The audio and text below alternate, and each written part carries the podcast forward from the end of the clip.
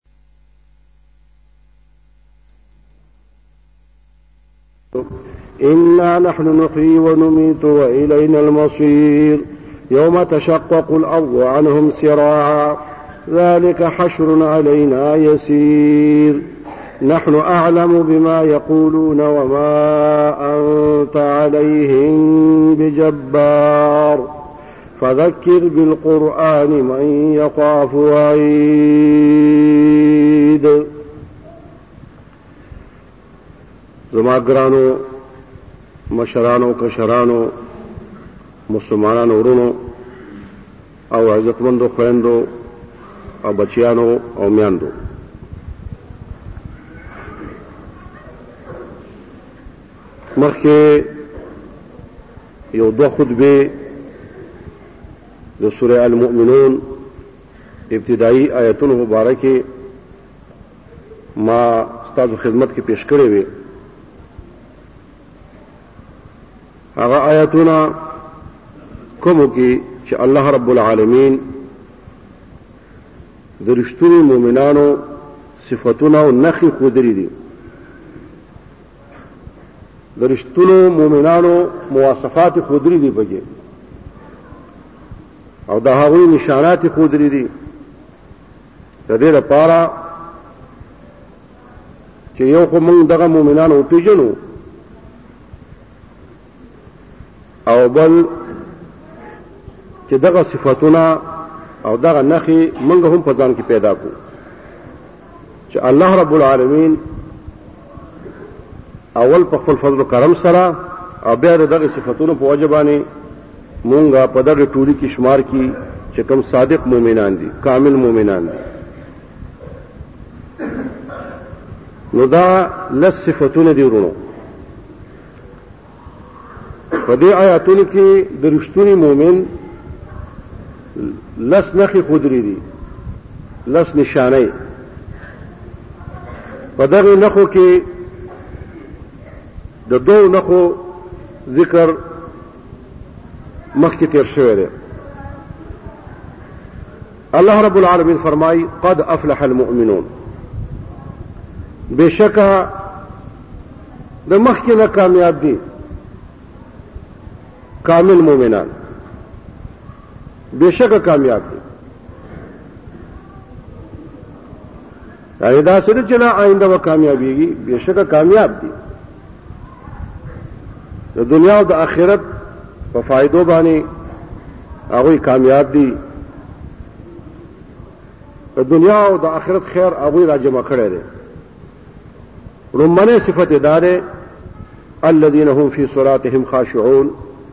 چې دوی په منځونو کې عاجزي کوي او دا غي سو شرح او تفسیر او تفصیل ما ستاسو خدمت کې پیش کړو دویم صفت والذین هم عن اللغو معرضون مؤمنان هغه خلق دي چې هغه د بے فائدې کار نه مخ اړي بے فائدې کار کې وخت نه ضایع کوي بے فائدې کار کې پیسې نه لګي د ده وخت قیمتي دی د مؤمن مال قیمتي دی مؤمن سره د بیهوده خبرو وخت نشته مؤمن سره د بیهوده کارونو ټایم نشته دی د کامل مؤمن ټایم ټول پوره دی ځکه که مؤمن خوب کوي هم د الله تعالی د رضا لپاره به کوي که خورا سکار کوي هم د الله تعالی د رضا لپاره به کوي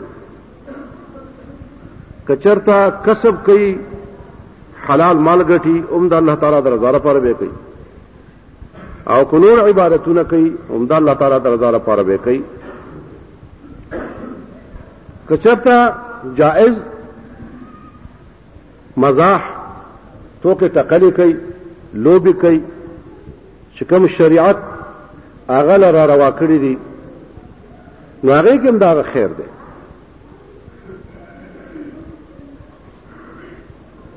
هر قسم ټوکې ټقلې ګپ شپ چې کوم د شریعت په حدودو کې داخل دی هغه په لغو کې نه راځي مؤمن معنا دا نه ده چې شپه ورځ جاری او تندې تروي همیشه غمګین او خپي نه مؤمن کله خندام کوي مونږ کله ته قلم قلم کوي لوبیم کوي خود مومن غب شپ تقلی د دروغ نه مومن پرشتیا په جیت کې یعنی د قصد خبرو کې هم دروغ نه وای غب شپ کې هم دروغ نه وای بعض انسان درو خبره وکي وای ما هټوکا کوله نبی صلی الله علیه و آله وسلم په سیرت کې راځي هغه با ټوکې ټقلم کولې کله به خنداګانم کولې د خوشحالتیا کار به واورې د خوشاله بشو مخ به د سوار لسمې سپومۍ غوندې پړقا کوله د غم کار به ولید جړا به کوله اوښکې به بهېدې په مخ مبارک باندې کله غم راځي کله په خوشحالتیا راځي کله خاندي کله ټوکم کوي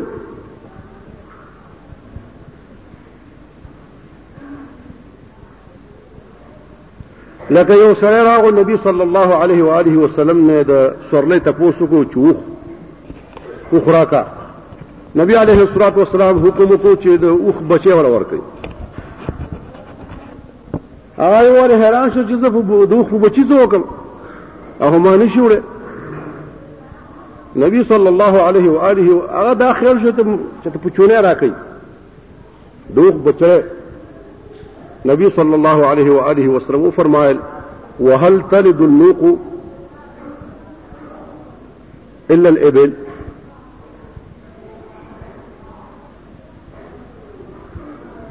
چاهو او خان چې غړ غړ هم دوخي بچیان دي ان ټوکا وا خرشتونی وا نبی علیه الصلاۃ والسلام یو بوډۍ مبارک ویلي چې بوډګان جنت نه نزي هغه پرشان شو نو ټیک دا غبا خ پیغلې غټه وای خو خوبصورت وای په خ عمر کې وای نو جنت له بوزي بوډي بوډي ته خو عیب ده چې مخې را ګونجي غاخونه اخو دې خو را وتی برنګانی بهيږي جنت له خدا سي په دغه حالت کې خو نه دي کنه جنت خلق چې هغه صفا فینسی خلقي چروتی مزیدار خزم چې کم دی خ اعلی قسم اوچت نمبر او زلمیم چې کم دی په ډیر اوچت معیار کې وي او دا چې خلق نه نو دا ټوکه وه خو دا هم رښتیا ټوکه وه نو دې کې موږ لپاره آداب دي والذین هم عن اللغو معرضون دریم صفت دا دی ورونو والذین هم للزکات فاعلون مؤمنان هغه دي چې زکات ورکوي دې آیت کریمه کې د زکات ذکر دی او دا صورت د مکی د صورتونو نه یو صورت دی بعض اهل علم فرمایي چې مکه کې زکات نو فرض نو د دین مراد تزکیه د نفس ده د مال زکات ته نه مراد بعض اهل علم فرمایي چې اصل زکات مکه کې وو ورسته د هغې تفصیلات نصابونه دا ورسته مدینه کې راغلي دي المهم هر شی چې دلته کې مرادي مؤمنان هغه ده چې زکات ادا کوي خوا د بدن زکات وي د بدن زکات دا عبادتونه دي یو بل سره احسان کول دي ښېګړه ده په لاس باندې په خوله باندې په قلم باندې په خپه باندې چې خپه د شر ځای له نوړه موړه لاس د شر ځای له موړه په سترګو باندې د شر ځای ته مګوره د خیر ځای ته ګوره فحش فوټوګانو ته وګوره فحش کارونه کارون ته پسې په مزه په خپو باندې فحش کارونه په لاس مکوا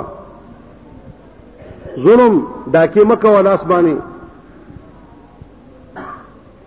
چا باندې په ناحقه چاکو کوتک مره خلاصوا ټوپک مره خلاصوا په ناحقه دا ټول د لاس زکاتونه دي د خیر په لارو کې لاسونه استعمال کا سترګې استعمال کا غوګونه د خیر خبره اورا قران حدیث په اورا نیکی خبره په اورا دا د الله رب العالمین امانت ته رونا تر دې مسؤلی ستا ځواني ده د ځواني زکات ادا کوا خه عبادت کوا احسان کوه ګاونډي سره عام مسلمانانو سره د اقارب سره خزي سره مور پلار سره بچو سره دا ټول دا د بدن زک... د بدن زکات ته مال زکات تعالی الله رب العالمین مال درکړی دی نو کومه حصہ چې پتا باندې فرض دا هغه خو بخامخه ادا کړي او خو به ادا کې ادا کې د هغې نه علاوه نورم د خیر لارې شته دی چې بعضې اوقاتو کې هغه هم د فرضیت درجې ته رسېږي لکه تا ته پته ولګي چې ګاونډي د محتاج دی وږی دی که تا زکات ادا کړی هم به هغه له ورکې بیا تا باندې هغه کار حرام دی چې ته په مړه خېټه وخورې او ستا ګاونډي په نهره وي دا ناجایز دی تا باندې بیا فرض دی چې تا ته کوم الله رب العالمین مال درکړی دی هغه مال نه څه حصہ زکات نه علاوه زکات خو به دې وشتلی هغه مال نه علا زکات نه علاوه د خپل مال نه خواکه پخشه مالی طعام روټه ورجی شوی ترکاری غوخه شو الوګان شو ارشه چې تا پخ کړی دا غینه ولا څه حصہ ورکا یا دې فروټ راوړو دا غینه ولا څه حصہ ورکا او دا ډېر د افسوس خبره ده چې ته د بازار نه فروټ راوړې سیوان راوړې انګور راوړې مڼې مالټې راوړې او ستا خواته ستا گاونډی وي دا غي بچی چې هغه ته ترپیږي هغه محتاج وي دا شرعا جائز نه دي کم از کم انسانیت لحاظ تر دې پورې چې تک څر اوړې نه به پټ راوړا چې هغه ونه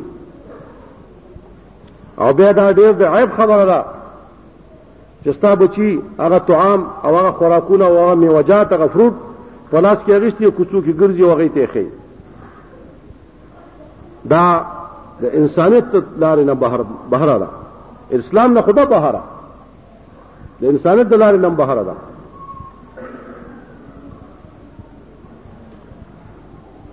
نور دې کې شک نشته الله رب العالمین تعالی مال درکړی دی په ځان خرج کا اعلی لباس اغوندا اعلی خوراک کوا بخل نه پکار دا چیزونه ټول په دې زکات په عام مفهوم کې داخلي دي دا قسم مسائل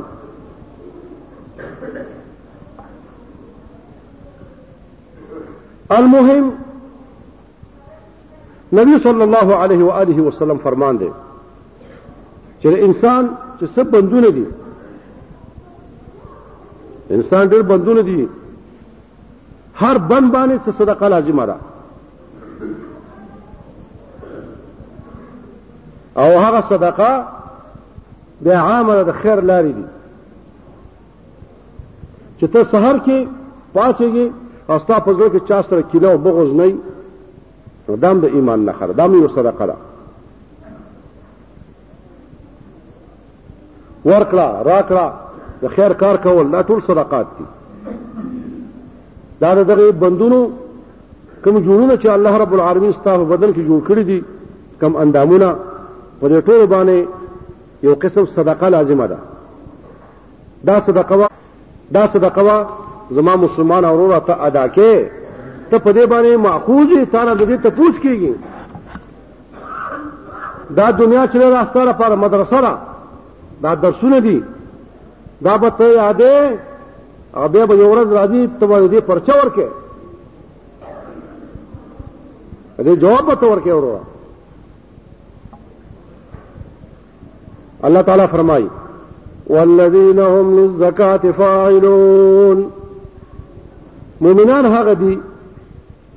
چې هغه زکات ادا کوي زکات کې تزکیه د نفس هم داخله ده د صفائی د عقیده نن سبا د مسلمانانو اکثریت خدغه حال ورونو چې اکثریت متدین نه دي دیندار نه دي دیندار طبقه په مسلمانانو کې ډیره کمه ده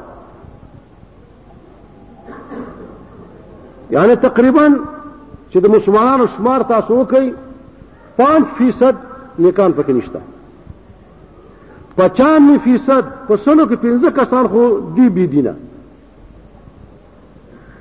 دا چې هغه زیات نه زیات حسن ځان وساتي ورنه کېدای شي چې په زرو کې به پنځه کسان هم دیندار پیدا نه کړي نو فرض که کتب ډېر هم حسن ځان وکړي په مسلمانانو باندې نو پنځه پی فیصد به دیندار پیدا کړي او پچانوي فیصد پنځه نوي فیصد به چې کوم دی بې دینه پیدا کړي فاسقان فاجران لوفر جوارګر مشرکان، خرافیان، بی دینه خلک چې کوم ګناه کارونه کوي یعنی ګناه ته ګناه وایي او کوي بی دینه به چې دا 5 فیصد چې دي د دې چې دا زورګونه راغون کې د دې سره نه 15 د دې سره نه 15 دا غي سره نه 15 دا 15 جمع کړي جمع کړي دا به کورونه نشي مثلا پاره کې چې به ګوري ورونو نو بیا پکې ننانوي فیصد خامخا اهل بدع دي د دیندارو یعنی زړونو کې د الله تعالی یرا رضا پرته ده اراده ټیک ده خو کارو یې د بدعتونو د جهل د وجنه د حماقت د وجنه د ناپوهۍ د وجنه د تعصب د وجنه د سره معاشره د وجنه هغه بدعتونه کوي د الله عبادت کوي خو په غلطه طریقه کوي نو په سلو کې به چرته یو بیا چرته سنی پیدا کی او هغه باقی چې کوم دي ننان می هغه اهل بدع دي نو حقیقت کې د نیکانو بندگانو تعداد ډیر کمیږي اکثر حالت د مسلمانانو تباره تدې وجنه دا فتنې تاسو یې نه یي دا مصائب تاسو یې نه ورونو دا د الله رب العالمین له طرف نه عذابونه دي الله رب العالمین فرمای چې تاسو باندې به عذابونه مسلط کوم د برنه د لاندې نه خپل منځ کې هم چې کوم دی بل سو جنگو ما دا ټول زموږ د اعمالو کردار دی حاکم په موږ باندې ظالم مسلط دی لاندې طبقه چې دم ظالم په موږ باندې مسلط ده دا ټول زموږ د اعمالو نتیجه ده ورو دا وجه دا غره چې نه موږ د مال زکات وباسو نه د بدن زکات وباسو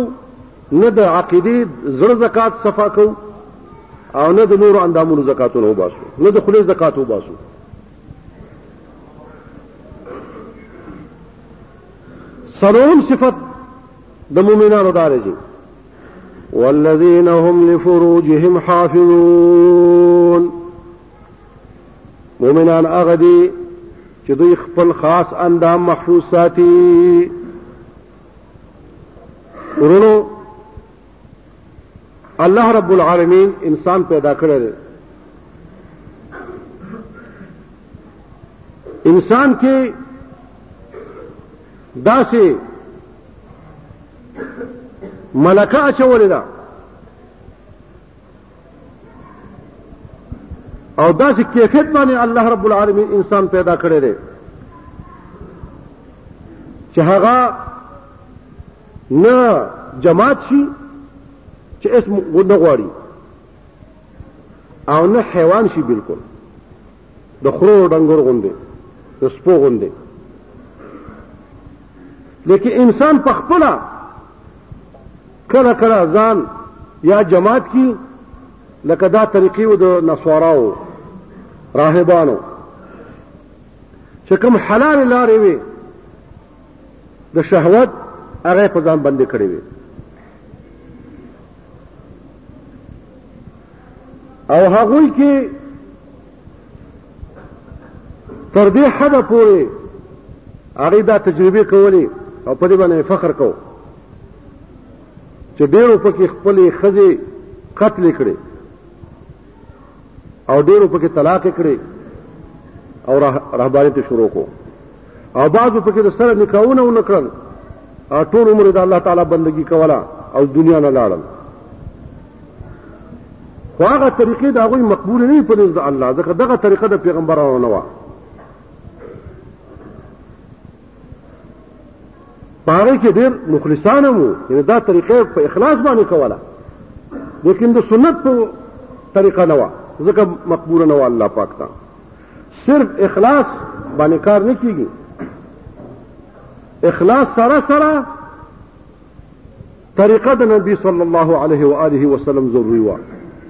نو هغه راهبانو اخلاص خو به پکیو ډیرو کې لیکن د عیسی علیه الصلاۃ والسلام چې دا غوی نبی و دا هغه طریقه پرې شو نو عبادت الله رب العالمین قبول نکړ د دوی په تاریخونو کې دام دي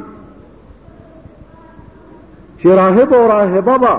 په یو یو غسل خانه کې غوي لغړ لمبل او یو بل ته وي نظر نه کړي الله علم دروغوي کړشتیا وي خدا تجربه کولې چې موږ دومره وي کسر نفسي کړی دا او خپل شهوت وي مات کړی دی دا فخری سره وي نو دا بیا غي دروغوي کړشتیا وي خو فرض کا که دا رښتیا وي دا طریقه د پیغمبرانو نه شهوت تر دې حده پورې ماتول دا هم غیر شرعي کار و د دې وجه نه د هغې راهبان چې دي هغې باندې ښځې حرامې دي تر اوسه پورې هم دغه حال دی لیکن بیا په دوی کې داسې ډاکوان او غله رانه وتل چې د رهبانیت په لاره باندې چې هغوی د زناګانو چې کومې دروازې کولاو کړي دي نو العیاذ بالله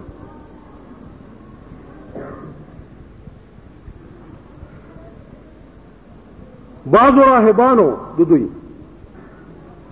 هغه د خپل مور پلارو نه خپل بچو له بیزاری اختیار کړی دا خپل وارو وارو ماشومان چې کوم ده د د اجدهاګانو د خامرانو په خله کې ور کړی دي د لپاره چې زمونږ زړه ویاغه پورې متعلق نشي الله نه به زړه جدا شي دا دا تصوراتو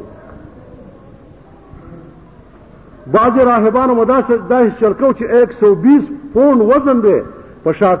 کړی او لغړ به په مناره یې ځانه جوړه کړې وه په مناره باندې باندې مناسو وړی چې مې هلته به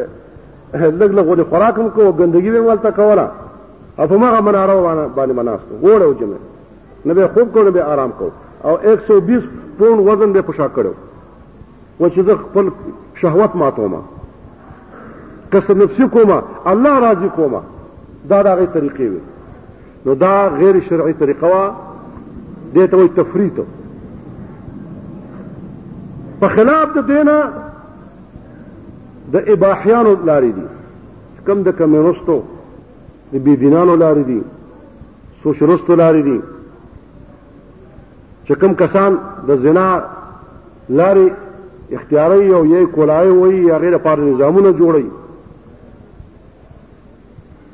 یو دا غیر خاندانی منصوب بندي دام دغه زنا لار ده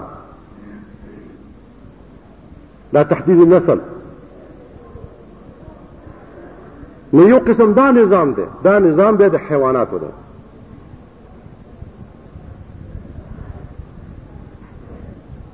دغه شانه دا نظام چې دویمه خزه ممنوع ده امریکای و غیره ته چې کله یو انسان زی او دوه خزي نو پاسپورت کې دوه خزي نشي لیکل یو با زناکار لیکي او یو با خزه لیکي یو په دار کې چې دا یاره ده پاسپورت کې ولیکي یاره ما زنا کړه کنه دا نشي لیکلی چې دا مې ښځه ده نو نکاح ممنوع ده او زنا روا ده او هلته کې رضا باندې زنا دا بالکل کلم کلم اسان کار دی او روا کار دی البته زنا بالجبر منع ده لکه زنا او نفس خرڅول داسې دي لکه خپل مال خرڅول یا کور کې څوک ډېره کول ستا خو ستا بیټک دی که څوک پکې ډېره کې چا مېلمه له روټۍ ورکې ورکړه لیکن زه جبر باندې به زنا چې دی هغه ممنوع ده او ظاهره خبره چې جبر باندې زنا خو څوک نه کوي دغسې واردات خو ډېر کم پېښېږي چې ته په دښمنۍ کې پېښېږي نور د جناکانو چې کوم بازار ګرمي هغه ټول پر رضا او پر رغبت او پیسو باندې وي نو دا لار چې دا دا اوس د حیوانیت لار ده الله رب العالمین موږ لپاره داسې دین را کړی دی چې نه پکې حیوانیت شته او نه پکې رهبانیت شته هغه کې لله یت هغه دا دی چې اے انسانه ته د الله بنده د الله امانت یې تا ته الله رب العالمین چې کوم شهوت درکړی دا به استعماله خو په طریقه باندې په دې کوم د نبی صلی الله علیه و آله وسلم طریقې دي سنت ده نو نور انبیاء علیهم الصلاه والسلام طریقې دي د پیغمبرانو لار به اختیار حلال نکاح به کې حلال نکاح په ذریعہ باندې با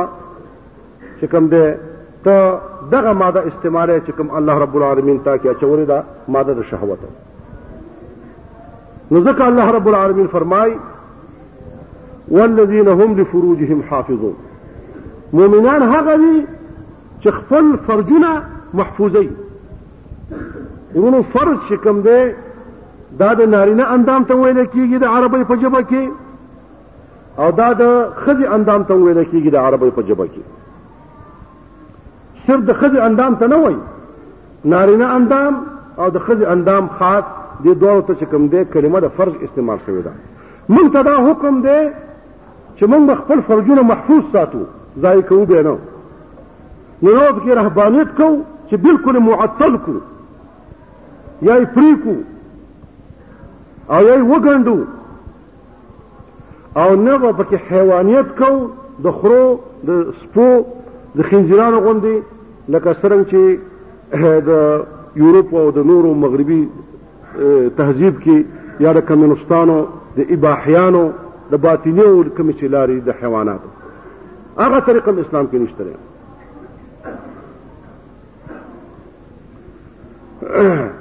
د دې وجنه عبد الله بن مسعود فرمای رضی الله تعالی عنه چې موږ د نبی صلی الله علیه و آله وسلم نه د تبتل په باره کې اذن وغوښتو چې یا رسول الله موږ به د خزو نه بالکل کناره کش شو لكن نبی علیه الصلاة والسلام هغوی ته اجازه ونه کړه ځکه دا د لاره د رهبانیت وه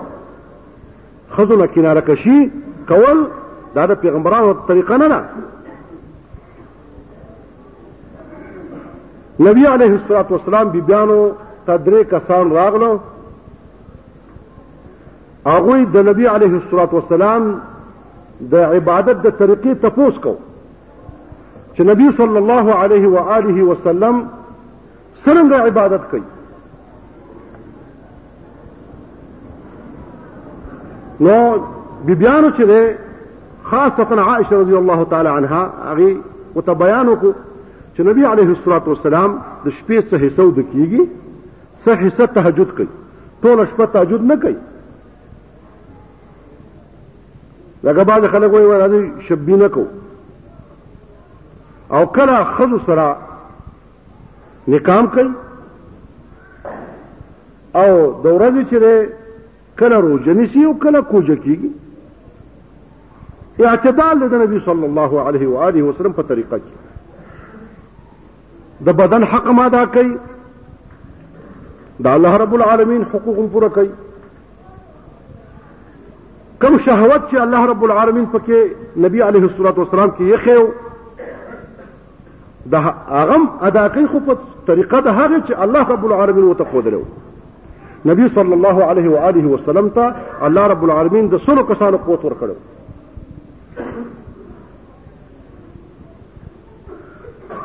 خو نبی صلی الله علیه و آله وسلم د فریو بدمعشی نه دا کړی هغه د الله رب العالمین په لاره تلو او هغه سنت او هغه طریقې او هغه آداب مونږ ته پاتې دي په کار چې مونږ هم هغه لاره اختیار کړو نو کله چې دغه صحابه کرام خبر شو نو هغه کم وګڼو دا عبادت حضرت انس بن مالک رضی الله تعالی عنه فرمای جاء ثلاثه رهط الى ازواج النبي صلى الله عليه وسلم يسالون عن عباده النبي صلى الله عليه وسلم درې کسان را نبی صلی الله علیه و آله وسلم بی بیانو ته هغه نه تاسو کو چې د نبی صلی الله علیه و آله وسلم د عبادت د کولو څه طریقه ده فلما اخبروا کله چې هغه ته خبر ملاو شو هغه ته جواب ملاو شو چې نبی عليه الصلاه والسلام دا دا قسم کار کوي دا قسم طریقه باندې عبادت کوي كأنهم تقالوها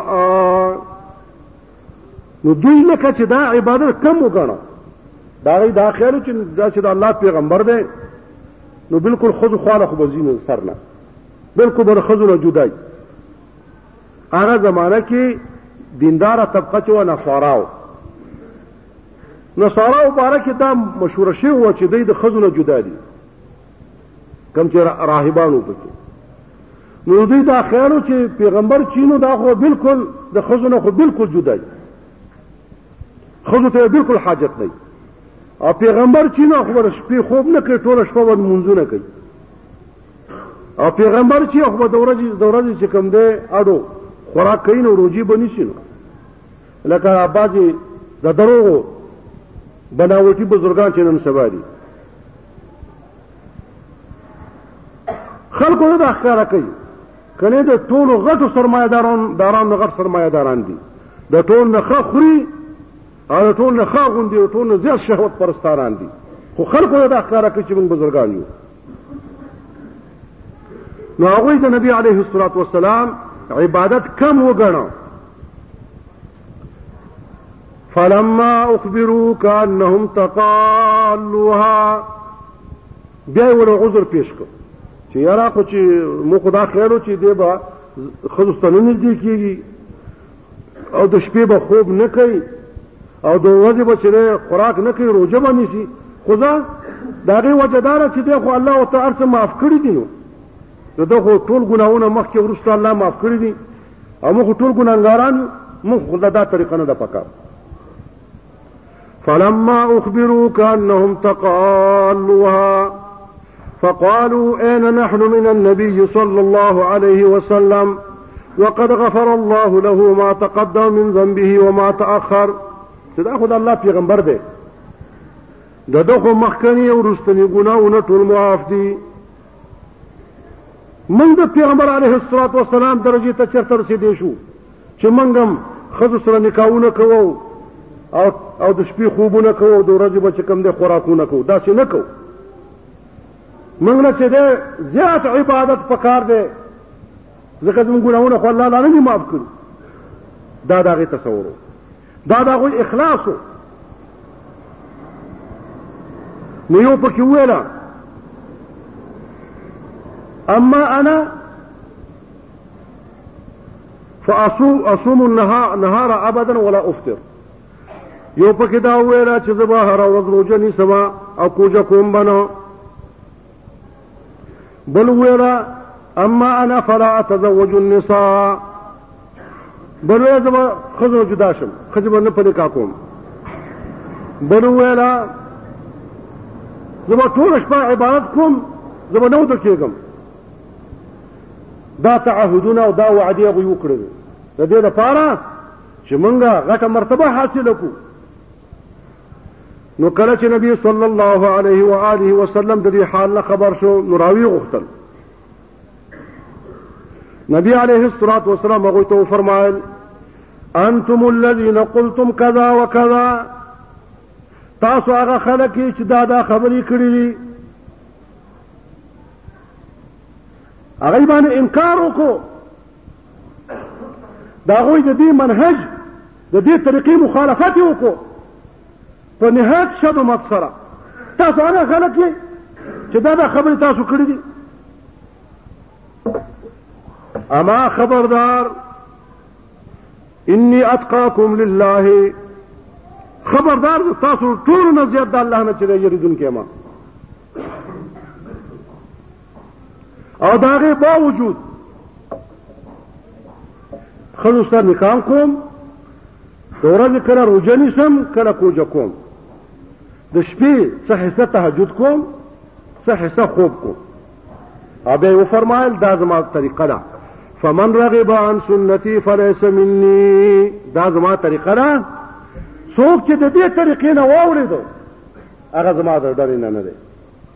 نو ورونو د دې نه صفا معلومه شوه یو انسان کې چې اخلاص هم وي للهیت هم وي زړه هم صفا وي اراده هم صفا وي نیت هم درست او صحیح وي او عمل شاق کوي مشکل کار کوي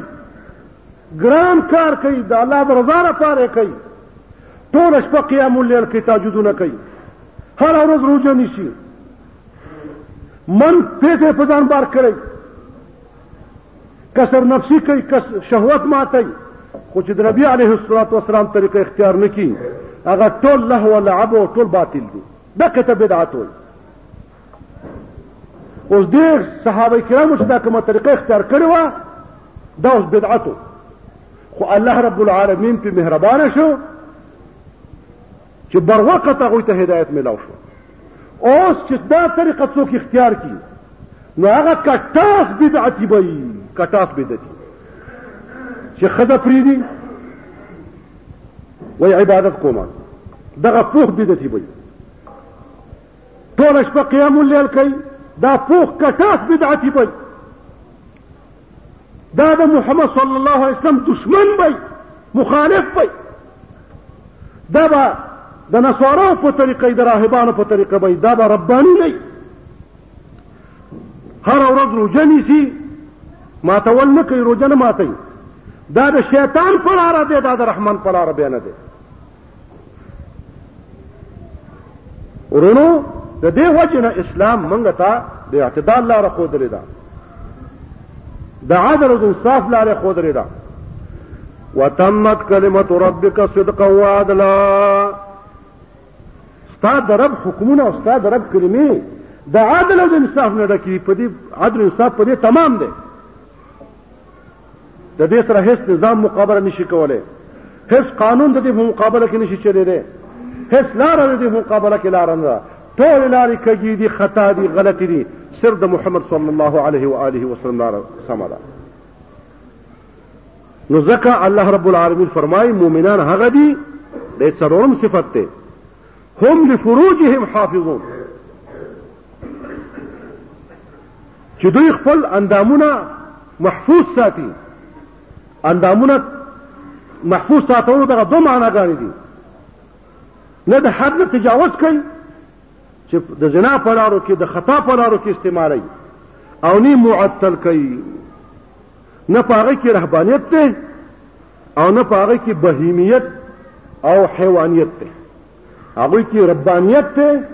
هغوی کې رحمانیت ته هغوی د اسلام پلار باندې روان دي الله رب العالمین او دا رسول صلی الله علیه و آله وسلم چې ورته کم هدایت کړی دا غي هدایت مطابق باندې ودونه کوي غم خاري دا غي مطابق کوي او خپل چې کم دی کم جائز مطالبه دي د دوی اغم اغه لاندې دا نظام لاندې چړي نو دا د مؤمنانو صفت ته لومړی صفت دا ده چې منځونو کې عاجزي کوي دویم صفت دا ده چې بے فیدې کار نه مخ اړي دریم صفت دا ده چې زکات ور کوي او څلورم صفت دا ده چې نری او خزي خپل خاص اندام محفوظ ساتي الله رب العالمین دې زموږ په حال باندې رحم وکړي وصلى الله وسلم على خير خلقه محمد وعلى آله وصحبه أجمعين أقول قولي هذا وأستغفر الله لي ولكم ولسائر المؤمنين إنه هو الغفور الرحيم قسم اسلامی کیسټو د ملاویدو پتا یاد ساتي ایوب اسلامی کیسټ مرکز د قصه خوانی بازار شاته پیښور خار